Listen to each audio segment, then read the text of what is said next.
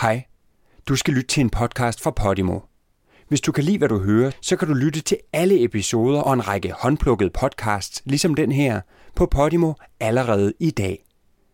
Download appen eller klik på linket i episodebeskrivelsen. I think they will be sitting like they are sitting on the fire. Desiderate degli onori! Moments ago, Saddam Hussein was executed. Mein Lebenskampf ist nicht umsonst gekämpft! Nikolai and Elena Ceausescu were detained before they could flee Romania and then executed. Today, we can definitively say that the Gaddafi regime has come to an end. Føler du dig også nogle gange lidt fortabt i den lange verdenshistorie? Det er du langt fra ene om. Historien kan være kompleks og uoverskuelig, men den er også utrolig vigtig. Den gør os i stand til bedre at forstå os selv som mennesker og de ting, der foregår i vores samfund i dag. Historien er nødvendig, så vi ikke gentager tidligere generationers fejl.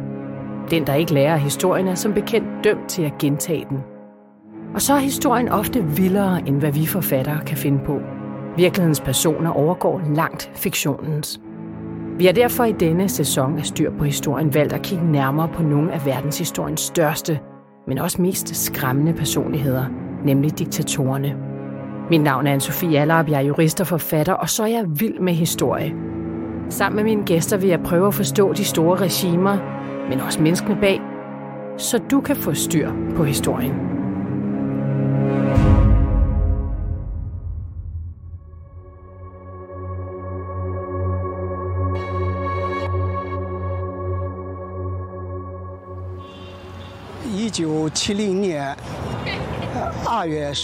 On February 13th, 1970, during the Cultural Revolution, I did something very bad that I still regret.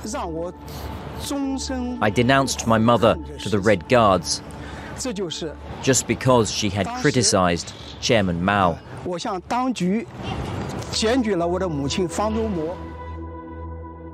I denne uge skal vi tale om den store kinesiske proletære kulturrevolution, som starter i det herrens år 1966. Det var ildhestens år i den kinesiske kalender.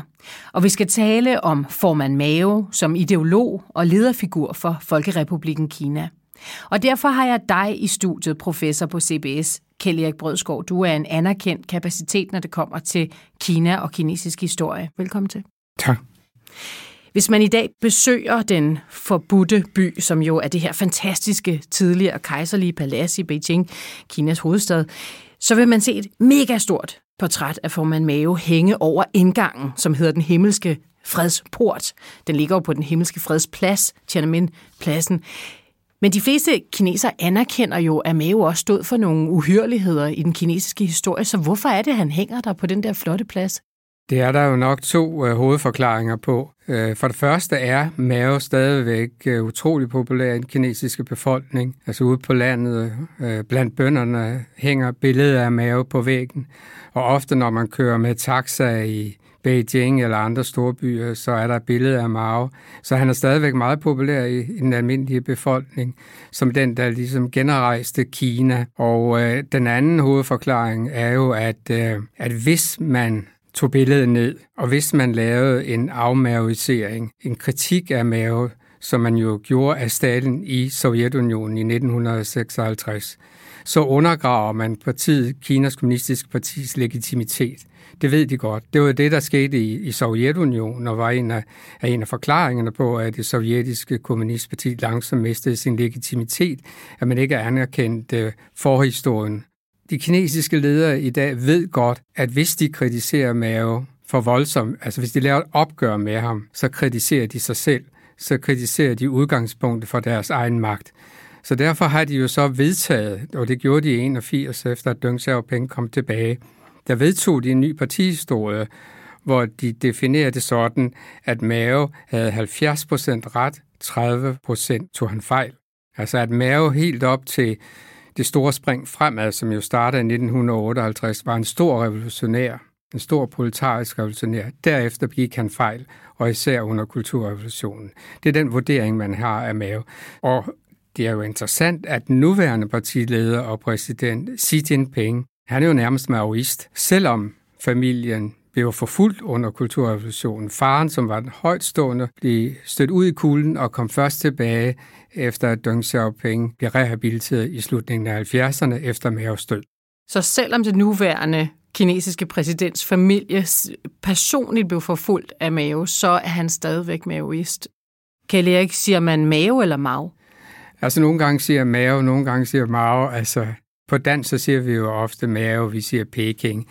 Men hvis man har en lyst til at tale det på kinesisk façon med de rigtige toner, så siger man jo Beijing, og man siger Mao.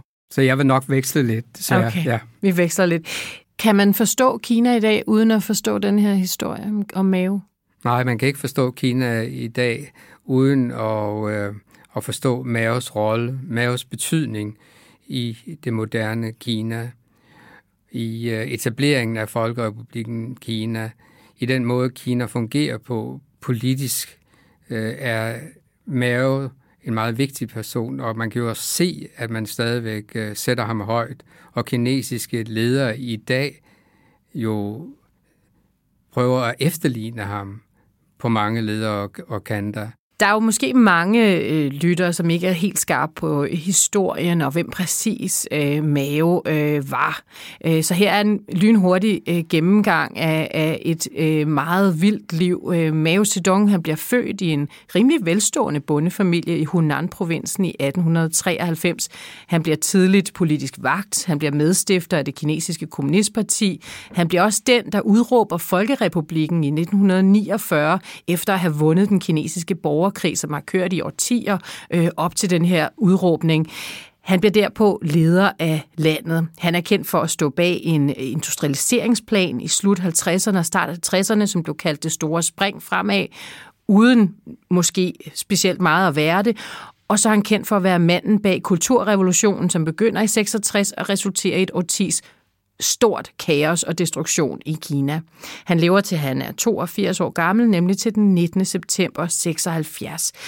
Kjell Erik, hvad er det for en periode, det her øh, lange periode, fra han bliver født i 93, øh, 1893, til han udråber republikken der i 49? Altså, hvad er det for en periode i kinesisk historie herover på det her kontinent? Der er vi jo i gang med flere verdenskrige, vi er i gang med den spanske syge og, og en masse udvandring i øvrigt til andre kontinenter og sådan noget. Hvad, hvad laver man i Kina?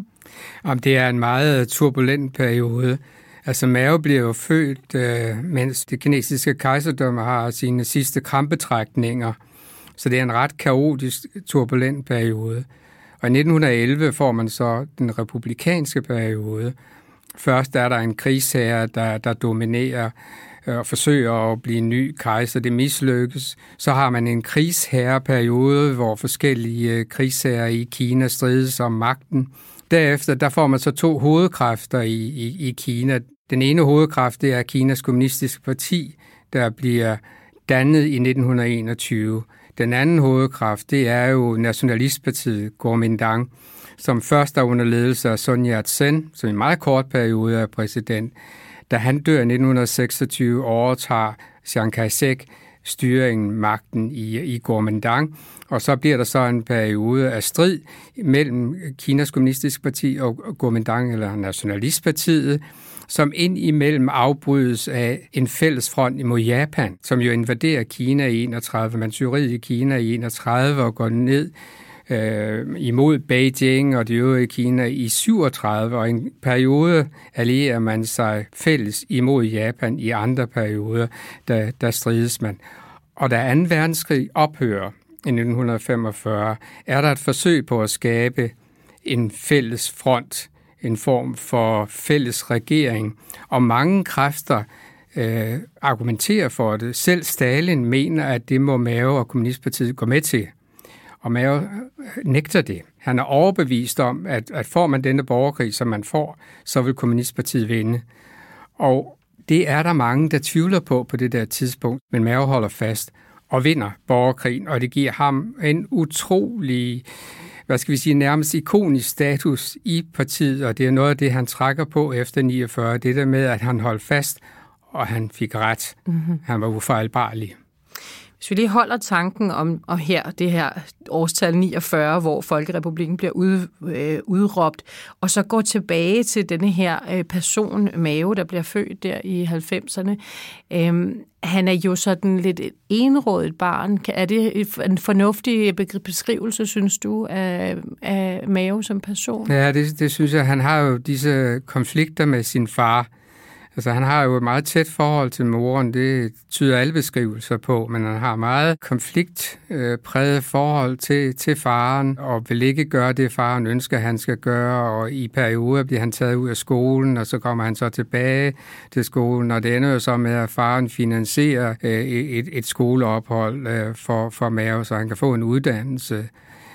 Så det er et meget konfliktfyldt forhold. Faren er jo, har, jo, har jo, hvad skal vi sige, haft øh, en karriere, eller hvad skal vi sige, har været har erfaret øh, social mobilitet, fordi han starter jo på et ret fattigt grundlag, men bliver i landsbyen, øh, i Hunan, øh, hvor de bor, bliver han jo til en rigbonde, altså en, som, som faktisk har økonomiske midler. Og, og det er som om, at, at Mao øh, er meget sådan, kritisk indstillet over for faren, også på den økonomiske front. Altså, der er jo en historie om, at og faren øh, sælger korn ud af landsbyen i en periode, hvor der er landsbyboere, der, der faktisk sulter, og der er meget, sådan meget kritisk over for faren, som, som tænker i de der økonomiske termer hele tiden. Han bliver jo en barnebrudgom, øh, ja. øh, Mave selv. Han bliver gift væk øh, som 13-årig. Og det tror jeg, det er nok en aftale med faren, hvor hvor faren siger, jamen altså, hvis du nu gifter dig, så vil jeg finansiere et skoleophold, og det går Mave så med til. Men han, øh, altså han, altså han siger jo selv, at det der ægteskab aldrig bliver effektueret, og han betragter det jo ikke med som, som et ægteskab, og, og hun dør jo også øh, relativt tidligt. Mm-hmm. Og han saboterer det der ægteskab rimelig ja. grundigt. Hvad er det, der vækker ham ideologisk? Er det forhold til faren, eller hvad, hvad tror du? Altså det er svært at sige, øh, altså hvad er det, der vækker unge mennesker i Kina i det hele taget i den periode? Fordi det er jo en periode, hvor mange bliver vagt, kan man sige. Kina på det tidspunkt er hvad, altså, altså en gryde af forskellige opfattelser, der strides og gør sig gældende, og det har været en spændende tid for unge mennesker. Og der er det så, at Mao til sidst vælger at gå den marxistiske retning og tilslutter sig Kinas kommunistiske parti. Og det her, det er jo et helt liv, eller det er et halvt liv faktisk, fra han går ind i politik, og så øh, igennem hele den her borgerkrig, og frem til Folkerepublikens udråbning der i 49 der er han jo i 50'erne. Hvad, hvad sker ja. der med ham som menneske, som leder i den øh, periode? Jamen der, altså i den periode, kan man sige, altså han er jo en del af den nationalistiske bevægelse. Han er jo aktiv øh, i den nationalistiske bevægelse, mobiliserer bønderne for nationalisterne, fordi Stalin og kommentaren har jo sagt, at kinesiske kommunister skal lave en alliance med nationalisterne og gennemføre den borgerlige revolution som en forudsætning for en socialistisk revolution. Og det holder Stalin fast i, på trods af, at det knager. Og øh, der sker der jo så det, at i 1926, i april 1926, der slår Chiang Kai-shek ned på kommunisterne, udsletter kommunisterne i, i byerne, og det svækker den kommunistiske bevægelse uhyre meget. Og der kan Stalin godt se, at øh, den kommunistiske bevægelse i Kina må nok udvikle sig på egen hånd. Og, og der er Mao så aktiv i opbygningen af, af kommunistpartiet, især på landet, og især øh, det, man kalder Jiangxi-sovjetten, hvor, hvor der er et område, et baseområde, som Mao bliver leder af, hvor man opbygger et kommunistisk baseområde, og hvor man også opbygger en hær. Der er jo mange, der beskriver ham som voldelig, næsten psykopatisk. Er han det? Jeg ved det ikke. Altså, jeg ved, at, at, at den der øh, biografi, som øh, Rung Jiang har, har, har lavet, beskriver ham jo som en forfærdelig, øh, brutal og voldelig person, og hun laver nærmest sådan en psykoanalytisk beskrivelse af ham, og han er meget en analfixeret, fortæller hun og så videre. Ikke? Altså, det er, jo, det er jo lidt svært at, at, at finde ud af. Det, man kan sige, det er, og det siger man jo også, at revolution er ikke et T-selskab. Altså, og han går ind for en revolution. Han går ind for et andet styre i Kina, og, og, og det kræver et revolutionært opgør med det gamle styre. Det vil nok være med os forklaring. Kommunisterne vinder jo som sagt øh, den her borgerkrig. Republikanerne de fortrækker til Formosa, det er det land, der nu er Taiwan, øh, hvor de stadigvæk er den dag i dag.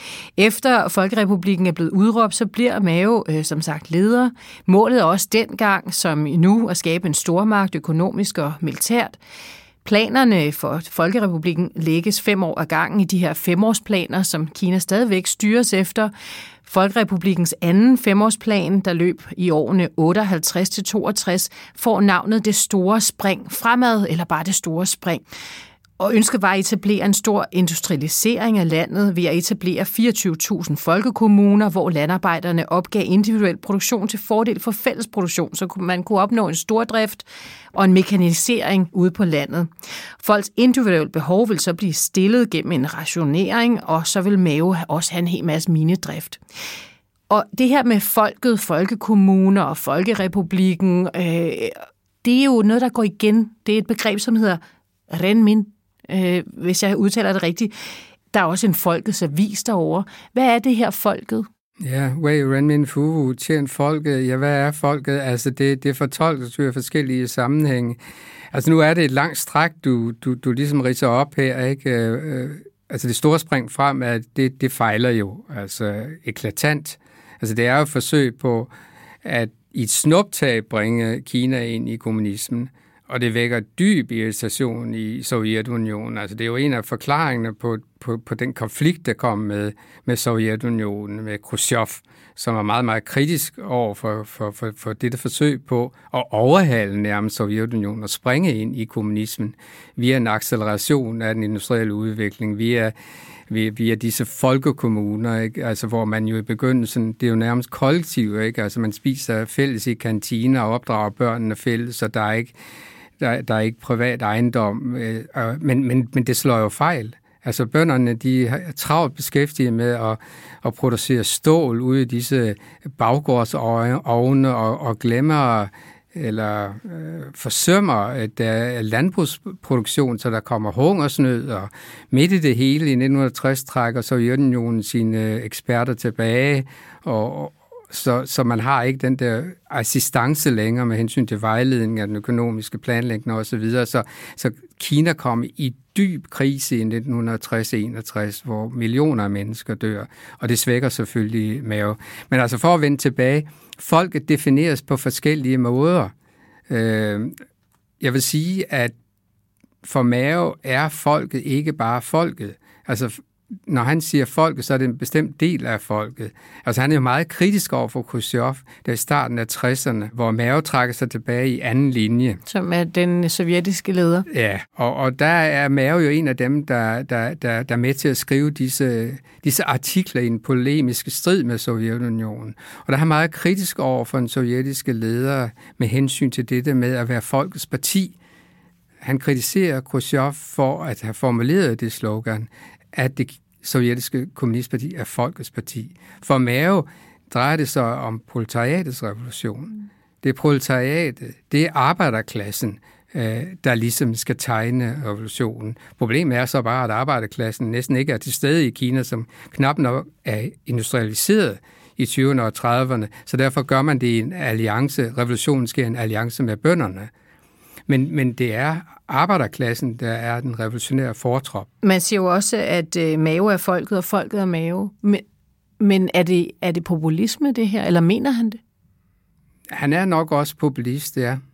Det, det tror jeg ikke, øh, der, der, er, der er nogen tvivl om. Altså, han er jo en, en, en bizarre blanding af, af populist og underground uh, øh, operatør, og så en kejser, en, en ny kejser faktisk. Altså, altså han, han grundlægger jo et nyt dynasti i virkeligheden i Kina. Ja, fordi ideologien er totalitær, den er kollektivistisk, altså det vil sige, der er ikke specielt meget blik for den individuelle frihed og evnen til at definere sit eget liv. Øh, fokuset er på det kollektive, på fællesskabet, og han orienterer sig decentralt ude på landet i, for, til, i modsætning til for eksempel øh, sovjetstyret. Og han vil gerne se den her revolutionære kraft springe ud øh, af, af folket. hvad kendetegner sådan en type diktatur? Ja, det er, jo, det er jo sådan, det sker under kulturrevolutionen, kan man sige, men, men i 50'erne, altså der opbygger man jo et system, der fungerer. Man opbygger et centralt planlægningsapparat, ikke? og man har disse femårsplaner, som, som du omtalte. Altså i virkeligheden, så opretter man jo i 50'erne et, et system, som på mange måder ligner det sovjetiske, men som fungerer, og Kina kom på fod igen. Øh, altså man gennemfører en jordreform, man sætter gang i industrialisering med hovedvægt på sværindustrien, men der er økonomisk vækst helt frem til øh, det store spring fremad, det som jo så er, er, er, er, er fatal. Ikke? Mm. Der skal jo også meget socialt øh, i befolkningen. Netop. Kvindens position. Øh, prøv, prøv at beskrive, hvordan øh, kvindens position i samfundet Jamen, ændrer den, sig. Den ændrer sig. Det, altså fodbinding øh, ophører jo ikke. Mavs øh, mor... Øh, havde øh, været udsat for fodbinding. Det ophører jo kvindens øh, Fortæl lige, hvad fodbinding er. Jamen, det er jo det, at man sammensnører øh, foden, ikke? så den bliver meget, meget lille, ikke? og de, de kan jo knap nok gå på disse fødder. Ikke? Og det, det var jo noget, man traditionelt gjorde i Kina især, altså overklassen. Ikke? Altså, Fordi man synes, det var lidt lækkert? Ja, netop. ikke. Og det var sådan øh, udtryk for, for høj social status og rang. Øh, men, men det bliver jo afskaffet. Altså kvinderne, øh, altså revolutionen i Kina er jo også en, en, en, en emancipation af, af, af kvindens stilling. Altså, de, de der øh, kommunistiske ledere, inklusive Mao, praktiserede jo øh, sådan en meget øh, åben øh, seksuel øh, livsførelse. Det, det gjorde de jo altså, og, og blev skilt og blev gift og, og havde elsket ender og så videre. Ikke? Altså, det er noget helt andet end, end, end det kejserlige Kina et moderne opbrud, kunne man sige.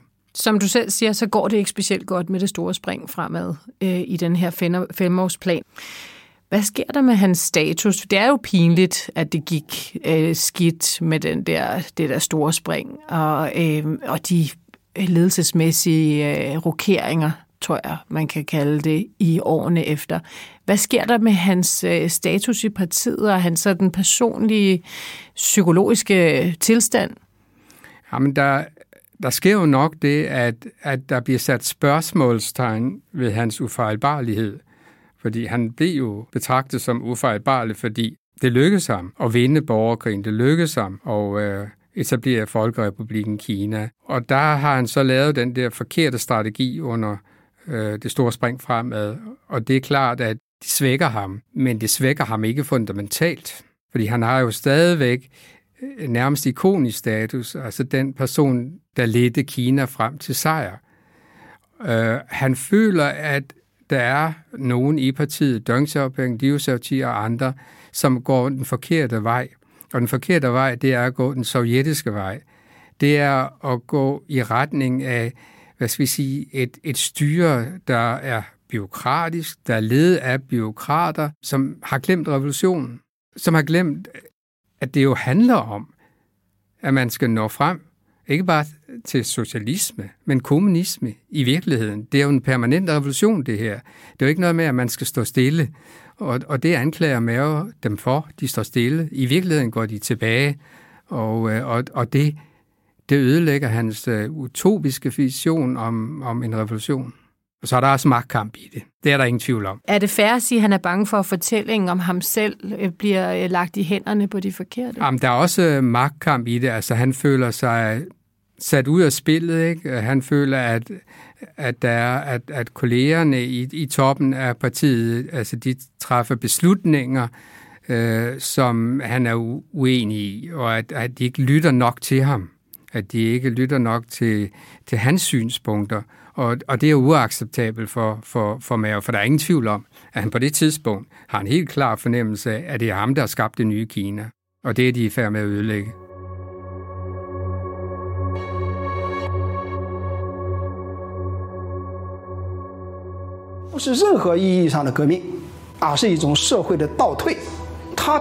The Cultural Revolution was not a revolution at all. It was a step backwards. It brought only pain, bloodshed, and tears to every Chinese family.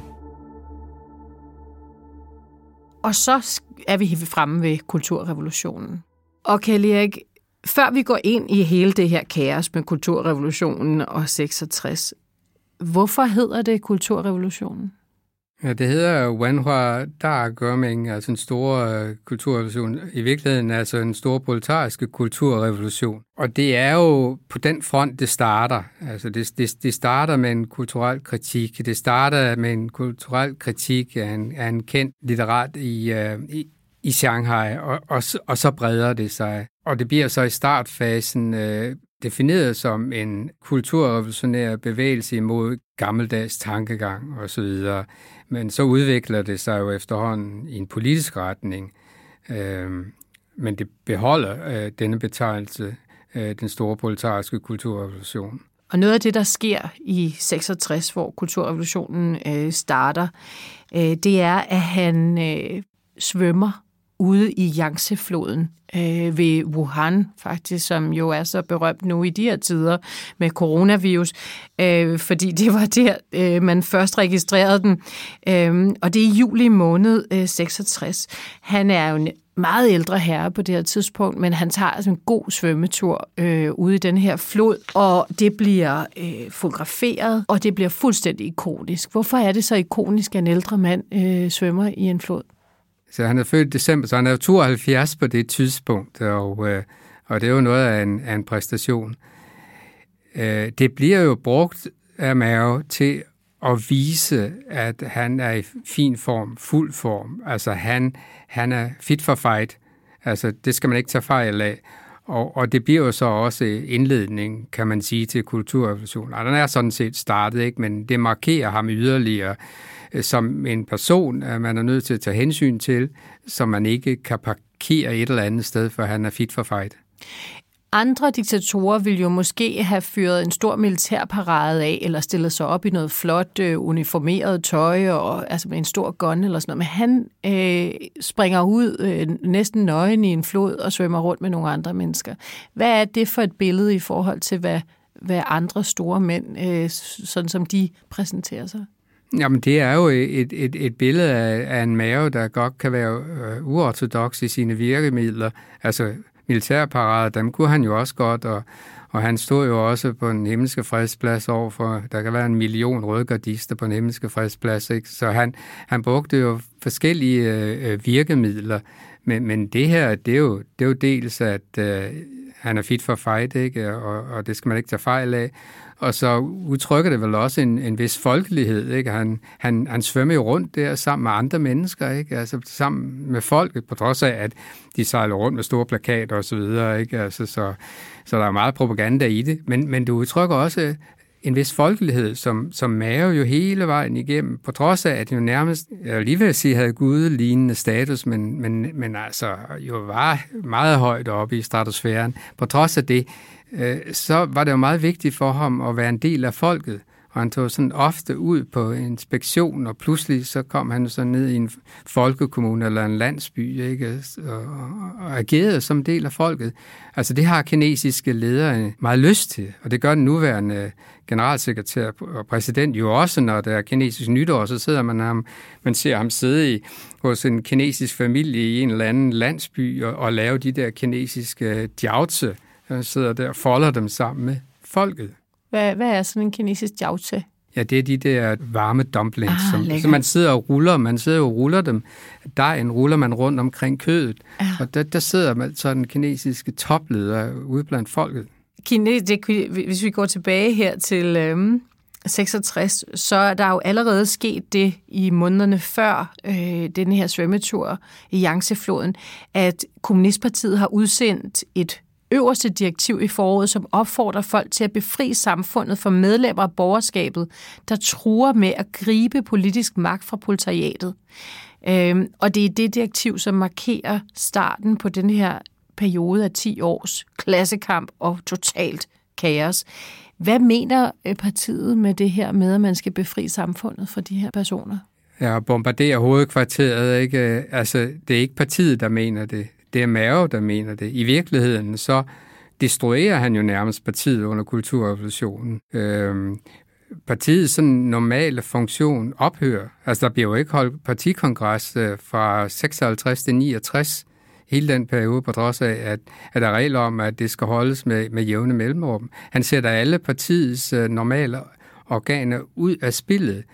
Øh, centralkomiteen, øh, der, der, der, der er nye organer, der ligesom står for den politiske magt og implementering af, af magten. Det er disse revolutionskomiteer, ikke?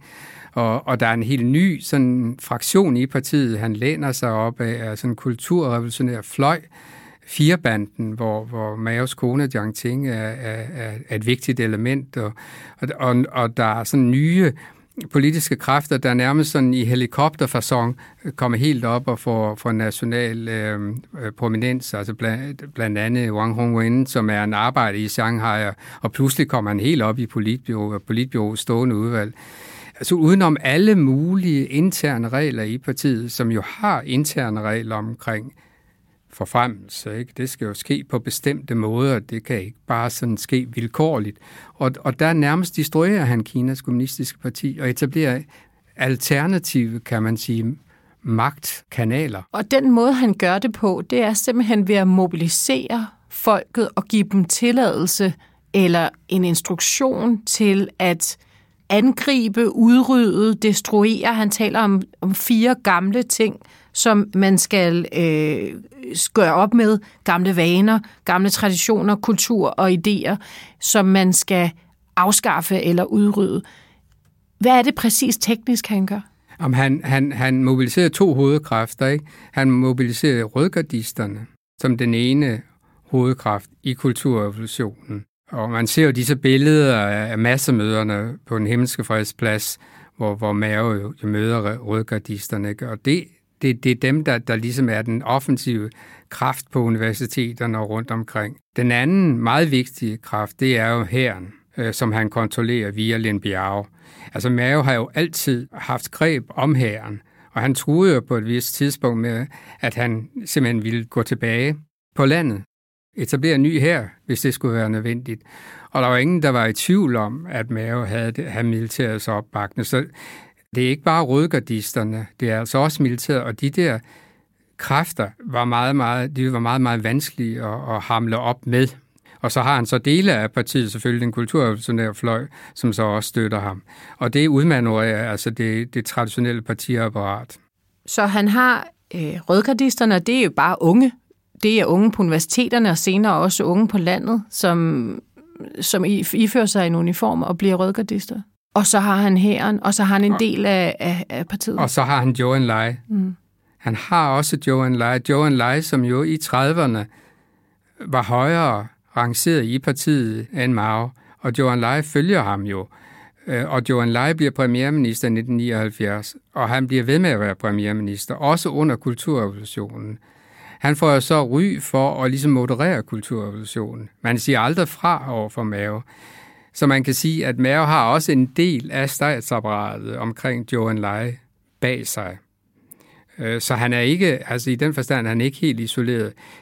Den kraft, øh, eller den samfundsmæssige øh, organisering, det mest går ud over, det er Kinas kommunistiske parti. Og det er eliten simpelthen? Plus, plus, plus på det sociale front er det selvfølgelig denne konflikt imellem rødgardister og forældre.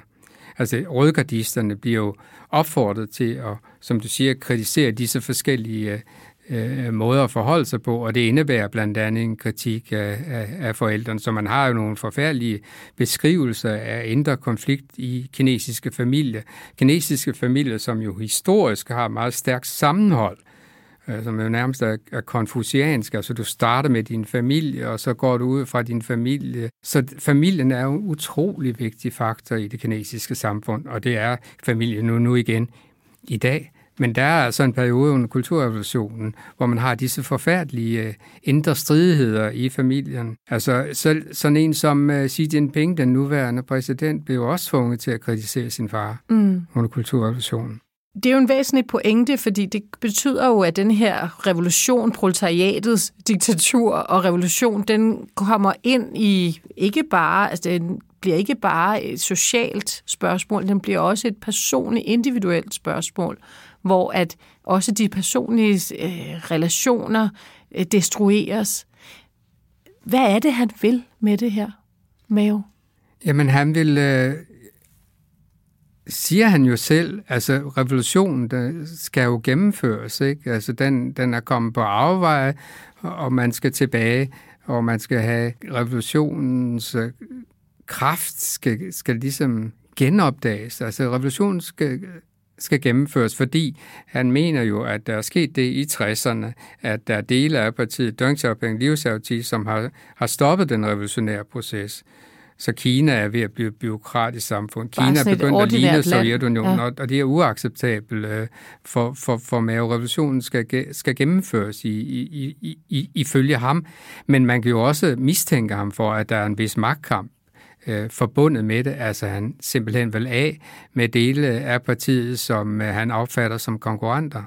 Det starter altså her i sommeren 66, foråret sommeren 66, og han har mobiliseret hæren, han har mobiliseret de her unge, øh, der har iført sig uniform. De har sådan nogle øh, grønne uniformer på, øh, en mavekasket og et mavebadge, og den lille røde bog i hånden har de, øh, som er en citatbog med citater af formanden. Øh, og så har han øh, en del af partiet. Hvad er det præcis, de gør herfra? Jo, men øh, altså det bliver, jo, det bliver jo sådan set kaos i, i, i Kina, altså alle disse opgør, ikke? altså opgør med kulturen, rødgardister, der smadrer øh, kulturelle artefakter. Så det bliver sådan et, et opgør med familie, med øh, en kinesisk kultur, som er tilbagestående, et opgør med eksisterende magtstrukturer på et tidspunkt... Øh, og hvordan præcis sker det opgør? Altså, det, man smadrer det, det sker det. også voldeligt. Man det hiver folk ud? Ja, for eksempel. Ikke? Altså, det, øh, Deng Xiaopings søn, øh, Deng Pufang, bliver smidt ud af vinduet på, øh, på Peking Universitet og bliver lam. Øh, Liu Xiaoqi bliver fængslet og forhørt og dør i fængslet. Øh, Deng Xiaoping øh, overlever bliver sendt øh, ned på en traktorfabrik i Jiangxi-provincen, hvor han jo altså går rundt i syv år øh, ved en, drej, en drejebænk og, og arbejder præsident. dernede og ja. kommer så tilbage i mm. 1973. Ikke? Altså, øh, han overlever, ikke? Men, men, men altså, det bliver så omfattende på et tidspunkt, at selv Mao kan se, at nu er det gået for vidt.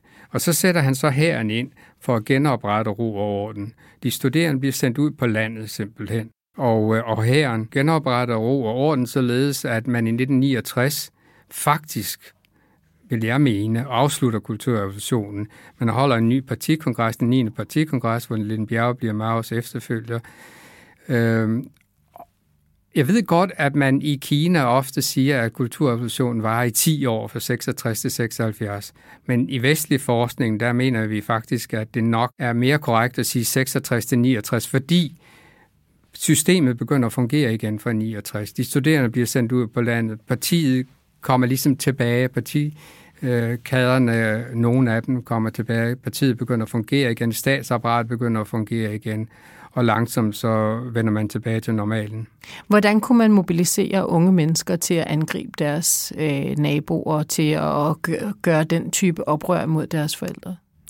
Ja, det er et rigtig godt spørgsmål. Altså det, det kan jeg faktisk ikke øh, svare på. Hvordan lykkes det med at, at skabe den stemning? Øh, det hænger jo nok sammen med den status, han, han havde, han havde opbygget, ikke? Altså det der, denne ufejlbarlige øh, leder, og hans, øh, det lykkedes ham at få, for, for, for skabt det der billede af en revolution, der var ved at komme på afveje, og nu måtte de unge mennesker træde til, og de måtte hjælpe, og de måtte sørge for, at det kom tilbage på sporet. Og da han så dør der i 76, er det så, tror du, øh, i en tilfredshed med det, han har udrettet? Ja, det, det, det må man jo sige, øh, selvom øh, jeg, jeg vil jo nok mene, at, øh, at, at, at det, det ved man jo faktisk ikke, vel? Fordi det har han jo ikke, han har jo ikke skrevet sine memoirer. Men det der eftermæle, tror du, han, han tænkte, okay, jeg fik alligevel sat gang i noget revolutionært her, et proletariat, som man må jo, Ja, og man må jo sige, at, at det er jo lykkedes ham at undgå Stalins skæbne. Altså, han står jo tilbage som den store leder i Kina. Han står jo som den, der skabte det nye Kina, og, øh, og som du siger, så er billedet jo fortsat der ved indgangen til den forbudte by. Altså eftermælet er jo sådan set i orden, det kunne næsten ikke være bedre. Så Mao er en uadskillelig del af fortællingen om, om Kinas genrejsning. Og i dag er der jo mange, der er den der meget specielle situation, Kina står i, med presset fra USA, handelskrig, men ikke bare handelskrig, pres på alle fronter. Der er der jo mange, der tænker, bare vi havde Mao. Altså, Mao stod op, ikke? Altså, mm. Mao øh, repræsenterede et, et, et stolt Kina, et genrejst Kina, et Kina, som, som, som ikke fandt sig i undertrykkelse fra de såkaldte imperialistiske magter. Jeg har læst mig til, at i 2009 der opstod der en historie i Kina om, at man med succes havde klonet formand Mao, og han ville komme tilbage for at tage nu et opgør med de korrupte øh, eliter og kadre i, i partiet. Øh, og så var der rigtig mange, der synes, det var en virkelig god idé. Er det også sådan noget fortidsnostalgi, som vi jo også kender fra det her, øh, det her sted på jorden? Man har jo nærmest, jeg undskyld mig, men man har jo nærmest klonet ham i, øh, i form af Xi Jinping, Xi Jinping. Ikke, som, som jo nu er en meget, meget stærk leder i, i Kina, og som jo kører en antikorruptionskampagne, har gjort det siden 2012, ikke? altså meget voldsom antikorruptionskampagne, som jo er rettet mod korrupte kader. Så på en eller anden måde er hans ånd øh, jo stadigvæk i live, kan man sige. Det var, hvad vi nåede i denne her udgave af Styr på Historien. Jeg vil sige tusind tak til dig, dagens gæst, professor på CBS, Kjell Erik Brødskov, øh, som kunne fortælle om grundlæggeren af Folkerepublikken Kina, formand Mao Zedong. Jeg hedder Anne-Sophie Allerup, og vi høres ved i næste uge i en ny udgave af Styr på Historien. Tak for i dag.